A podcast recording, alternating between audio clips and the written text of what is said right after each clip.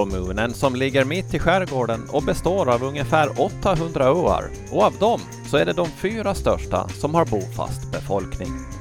Det bor cirka 315 personer i Kumlinge fördelat på Björkö med 10 personer, Seglinge 25 invånare, Enklinge med 70 personer och ön Kumlinge ungefär 210 personer.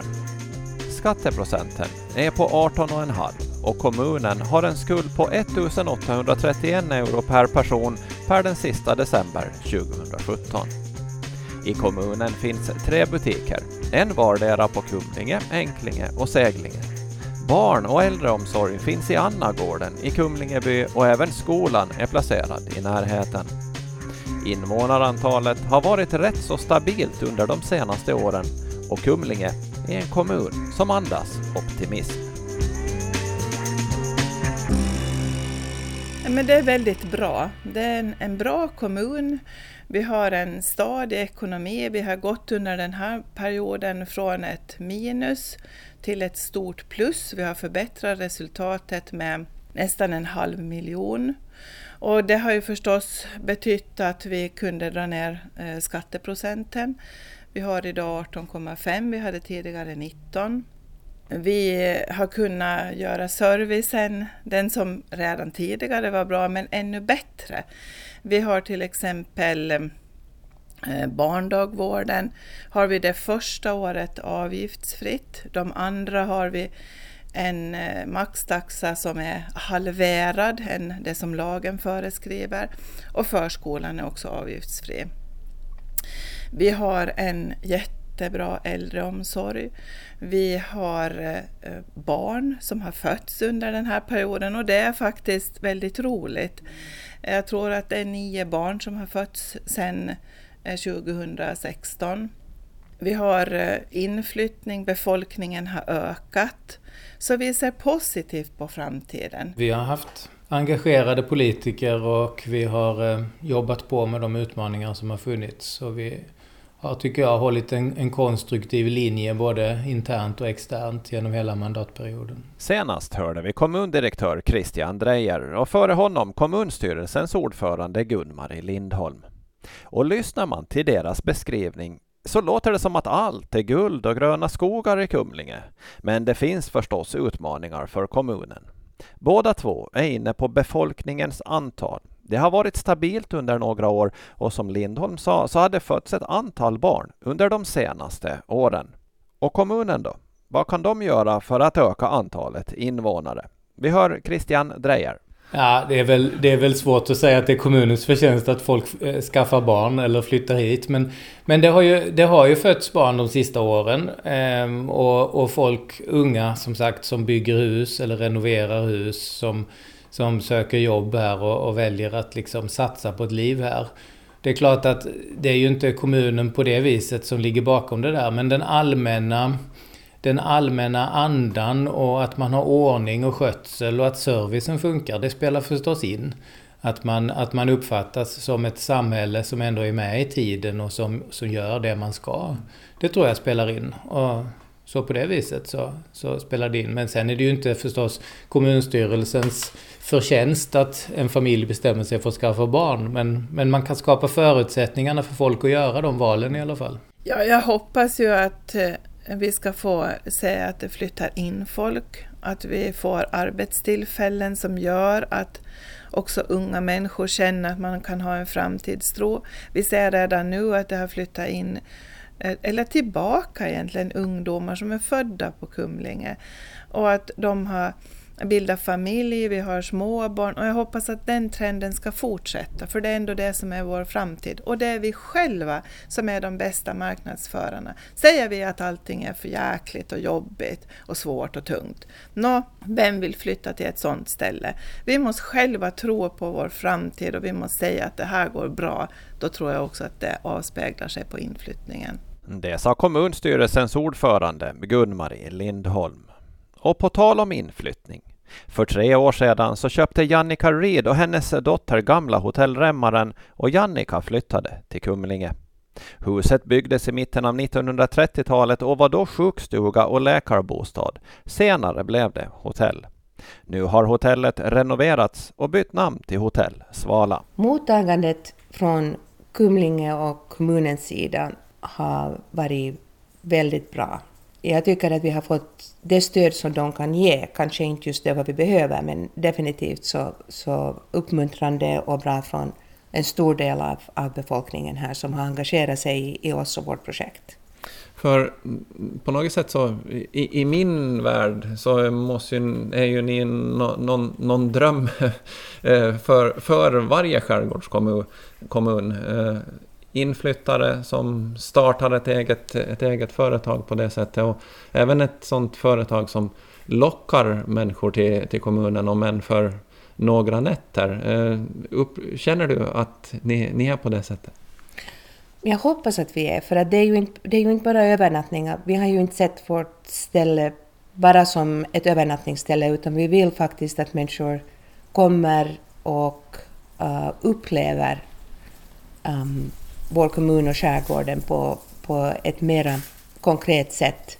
Och, och också även bara genom att, att vara här några dagar kanske kan engagera sig i projekt som, som behöver lite extra hjälp och händer och, och och till exempel, det är en idé att, att människor kan engagera sig på det sättet. De kan också komma och göra absolut ingenting och bara njuta av, av stillheten. Ni känner er från, välkomna från kommunens sida och så vidare. Så här, och de, de har tagit emot er på det sättet med öppna armar. Men i ett drömscenario, vad skulle kommunen ha kunnat gjort ännu mera, ännu bättre?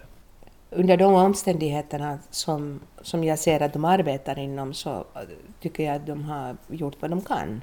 Men vad vi har talat om mycket och försökt på alla olika möten uh, försöka förklara för, för kommunen just att det skulle vara bra med uh, tillgänglighet till klippor att bada från och sådana här mera, mera lite exklusiva områden som, eller i synnerhet klippor. Att människor vill inte bara ha en sandstrand, att alla badstränder här är sandstränder, men, men att, att, uh, att göra någon, någon klippa tillgänglig för, för turister att, att hitta och, och gå och bada vid.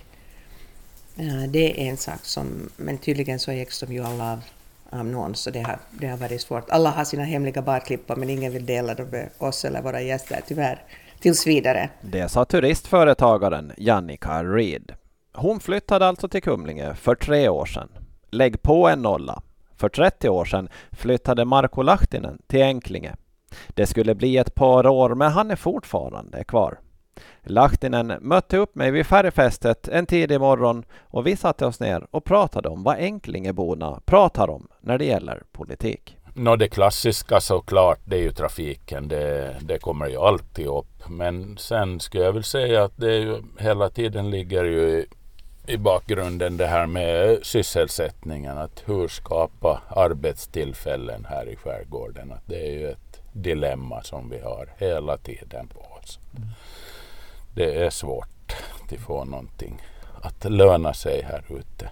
Om man ser rent sådär kommunalt då, kan, skulle kommunen kunna göra någonting eller kommunpolitikerna? Det tror jag nog att det är ganska begränsat. Visst kan kommunen hjälpa till i enskilda projekt men nu är det ju privata företagare det hänger på att komma igång med någonting. Att hitta på någonting men att vad det skulle vara så det är ju svårt att säga. Ja, om man ska vara lite påhittig själv då. Jag vet inte, man kan väl nästan du är väl någon form av sinnetypen för en skärgårdsbo idag med tanke på att du, du har många olika sysslor och engagemang det är ju så man måste fungera här ute för att det, allting är så smått så att man kan inte leva på en sak. Att man måste lite plocka här och där för att få det att gå runt.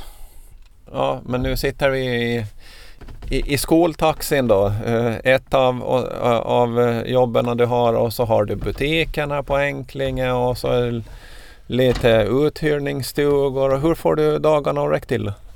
Ja, no, man får ju stiga upp ganska tidigt och planera tiden så det går relativt bra ändå skulle jag säga. Inte stressar jag mig genom dagarna men jag har något att göra. Och en an, annan sak som ju är på tapeten och som eh, diskuteras kan jag tänka mig i, i kommunerna också är den eventuella kommunsammanslagningen. Är det något som det pratas om? Det är klart, det diskuteras ju. Det är ju ett hett ämne just nu. Så att det... När det gäller just eh, den eventuella kommunsammanslagningen, vad är, vad är liksom tankarna ute hos, hos befolkningen? att Vill Kumlinge bli den stora skärgårdskommunen eller vill Kumlinge vara för sig själv? Jag vet inte så att säga vad gemene man egentligen tycker om det men personligen så tycker jag att det låter ganska tokigt för att om man tänker på vad det är som kostar inom kommunen, det är det sociala och skolan, åldringsvården och skolan. Och de kan man inte slå ihop. Så vad sparar vi i långa loppet på de här kommunsammanslagningarna när vi har det här geografiska läget som vi har, att vi inte kan sammanslå det som kostar. Sen att vi kanske sparar på en kommundirektör och någon tjänsteman så det, det, det är väl det enda jag ser att vi sparar på det. Så därför tycker jag att det låter ganska så tokigt med kommunsammanslagningar överhuvudtaget i skärgården. Och nu ska jag backa ombord på färjan. Och vi lämnar Marko Lahtinen för en stund och vänder blicken mot kommunkansliet igen och Christian Drejer.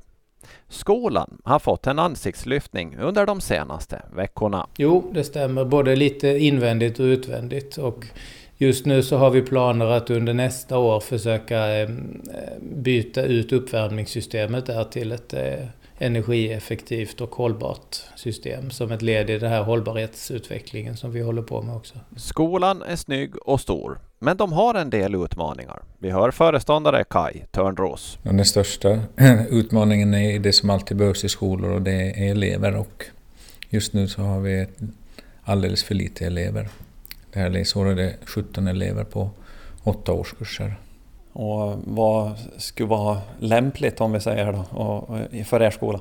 Ja, lämpligt, det brukar, man brukar kunna säga att 30 procent av befolkningen borde gå i grundskolan. Så det innebär att vi skulle vara där lite drygt 30. Så skulle det bli det så skulle jag vara väldigt nöjd. Men hur eh, bedriver ni verksamheten då? det, det är i, i, i, snitt nästan två mm. per årskurs då, men att det är väl inte så fördelningen ser ut heller? Nästan ser den väl ut sådär. Nu, vi har en klass med fyra och så har vi ingen nia det här året. Och så har vi en enelevsklass.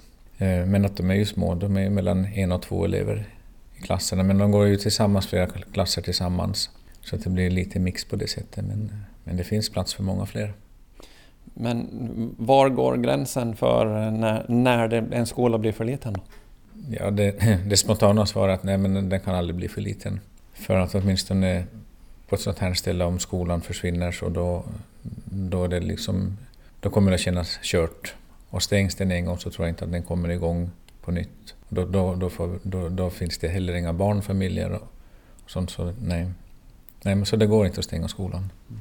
Men eh, en eh, eventuell kommunsammanslagning och så börjar man eh, köra barn till Brändö eller Brändö barn kommer hit. Hur, hur går sådana tankar? Ja, de har ju funnits tidigare när det varit liksom svagt att, att ska man kunna samarbeta på det och, och dela. Och, runt det. Men att det är också ett lite sånt skärgårdssyndrom eh, eh, att här har vi vatten mellan och även om det går en färja så det är en timmes resväg ena vägen. Men då tar vi en snabbgående.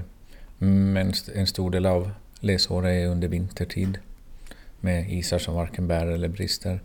Så att det, det ser rätt enkelt ut när man ser att det finns små skolor nära varandra men att i, i verkligheten så är det svårare att genomföra. Det sa Kai Törnros på skolan som alltså renoverats. Annagården, där barn och äldreomsorgen finns, rustades upp och byggdes ut för något år sedan. Ja, precis. Och där har vi ju också i samband med det redan lämnat det här med fossil uppvärmning. Så just på, på de bitarna så står sig Kumlinge ganska väl rustat just nu, eller? Ja, det ska jag säga. Vi har då nyrenoverad äldreomsorg och barnomsorg i samma hus. Och sen har vi då skolan är nu upprustad det här året. Vi har ju en ganska stabil kassa också sen förra året så att skulle det komma framtida större behov så är vi ju ändå ganska väl rustade ska jag säga. Ja, är Kumlinge en välmående kommun idag? Ja, alltså ekonomin är ju i balans. Vi gick ju in i den här mandatperioden med ett sämre läge, men det där har vi ju vänt. Så att vi har ju vi har väl vänt resultatet med några hundratusen och vi har en kassa som har vuxit de sista åren. Eh, vi har ju till och med sänkt skatten här nu då 2019 så att mm, det får man väl säga att det är, som organisation är kommunen välmående. Eh, om du säger att ni har en, en kassa, är det, behöver man ha det som liten kommun om det blir någon oförutsedd eh, utgift? Ja, det där är ju förstås en filosofisk diskussion att man, man ska ju inte bygga kassa i onödan för man ska ju inte överbeskatta invånarna. Men, men dels behöver man ju ha en viss kassa för oförutsedda kostnader. Man kan ju få rätt stora kostnader på kort tid om det uppstår svåra till exempel sociala ärenden. Men sen ska man ju även eh, bygga en viss kassa för framtida investeringar. Det finns ju ingen eh, automatisk landskapsandel för investeringar längre utan man behöver ju man behöver ha ett eget, en egen möjlighet att skjuta till pengar när man ska investera. Om man inte vill låna upp allting varje gång. Det sa kommundirektören Christian Drejer. Kumlinges kommunstyrelse leds av Gun-Marie Lindholm, tillika lagtingets talman. Fullmäktigeordförande är Mats Perama, även finansminister. Det här är inte de enda politikerna som har höga poster inom landskapet och sitter på höga poster även kommunalt. Men Kumlinge är den enda kommunen där båda ordförandena även sitter på tunga landskapsposter och båda tillhör regeringspartier. Under den pågående mandatperioden har landskapsregeringen fört fram ärenden som lagtinget godkänt och sen har det fått rätt så hård kritik från kommuner, till exempel landskapsandelarna. Och Gun-Marie Lindholm medger att det kan bli lite knivigt ibland. Ja, det, det, ibland är det så att det skaver och det ska jag absolut inte sticka under stol med. Till exempel när det gällde kommunreformen så besökte vi från kommunstyrelsen alla byar i kommunen. Vi ville eh, dels informera om vad det här betyder och inhämta deras åsikter. Och de vägde väldigt tungt för vi träffar väldigt många, en stor procent av eh, kommuninvånarna. Och där såg man ju förstås att det var en fördel att man har ett samarbete, att man kan ha gemensamma administrationer när det gäller någonting. Men man såg också svårigheten att göra en enda kommun av alla skärgårdskommuner, ifrån Brändö till Kökar.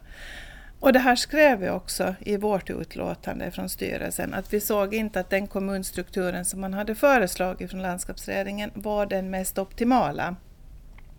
Nå, det här ändrar man i fullmäktige eh, och, och, och, gick emot kommunstyrelsen. Och det blev lite pyspunka på oss i kommunstyrelsen då. Och jag förstås gick emot egentligen min egen regering. Men där tyckte jag att det var viktigast att inhämta den informationen och åsikterna ifrån dem som jag ändå lever bland hela tiden. Och det ledde till att jag hade till och med eh, det att jag avstod ifrån en eh, omröstning eh, här i salen och det fick konsekvenser naturligtvis. Det var till och med så att mitt uppdrag som talman var ifrågasatt eftersom jag inte så att säga följde partipiskorna. Men jag har ändå, tycker jag, med, med högt buret huvud kan jag säga ändå försökt att, att lyssna in vad det är kommuninvånarna vill. Och det tycker jag att är det mest väsentliga för mig. Och frågan om eventuella dubbla stolar går också till fullmäktigeordförande och finansminister Mats Perama. Alltså i viss mån blir det ju det och det, det blir det ju för, för vilken person som helst som sitter i, i landskapsregeringen eller i fullmäktige eller kommunstyrelse egentligen oberoende av på vilken post man sitter så, så det är klart att jag som, som de allra flesta så brinner ju kanske speciellt mycket för min, min hembygd, hemkommun och min hembygd speciellt. Men, så att det finns ju väldigt många personer som, som på det sättet har en starkare koppling till en viss ort. Men eh, man måste ju ändå komma ihåg att det finns ju jävsregler för, för de här sakerna också så att eh, och de måste man tillämpa i de här situationerna. Så att jag för min del också har, har i de frågorna som har varit svårare, där det har fattats beslut eh, här i landskapsregeringen via lagting då, som har påverkat kommunen, så har jag försökt eh, efter bästa förmåga säkerställa mig om att jag inte ska delta formellt i besluten ute i kommunen, inte heller delta i, i diskussionerna som till exempel om kommunreformen på ett sätt som kan uppfattas att jag är någon sorts eh, landskapsregeringens språkrör som är där och diskuterar. Så att jag har varit fullt medveten om, om, om det här, hur det kan uppfattas och hur det är och har försökt undvika att, att göra det till ett problem för mina medpolitiker där ute i Kumling. Är det en svår balansgång? Det är ju en svår balansgång men, men eh, det, är ju, det här gäller ju för, för alla de politiker som sitter i lagtinget och sitter ute i sina kommuner som förtroendevalda och, och vi är ändå vi är, vi är väldigt demokratiserade här på Åland med, med 16 kommuner så många personer måste nästan sitta på flera positioner. Och, och sen, eh, sen, det kan till och med vara så ibland det här har jag tänkt att om man då inte har de här de här högre posterna på respektive håll så, så kan man under radarn lite mera, om man så är driven på det sättet så kan man liksom kanske ännu mera eh, då jobba för den egna regionen. Det kanske inte syns så tydligt det behovet av att, att man jävar sig blir inte lika tydligt så att, så att eh, Eh, är man både med i landskapspolitiken och med i, i kommunalpolitiken så, så är det nu väldigt mycket upp till den själv hur man hanterar det. Upp till kollegorna också att säga till om, om det skulle vara så att man går över någon gräns. Som avslutning blickar vi framåt. Vad händer efter valet den 20 oktober? Vad är den största utmaningen för Kumlinge som kommun? Vi börjar med mångsysslaren Marko Lahtinen. Inflyttning, det är ju helt klart att vi behöver bli flera om vi ska kunna vara livskraftiga.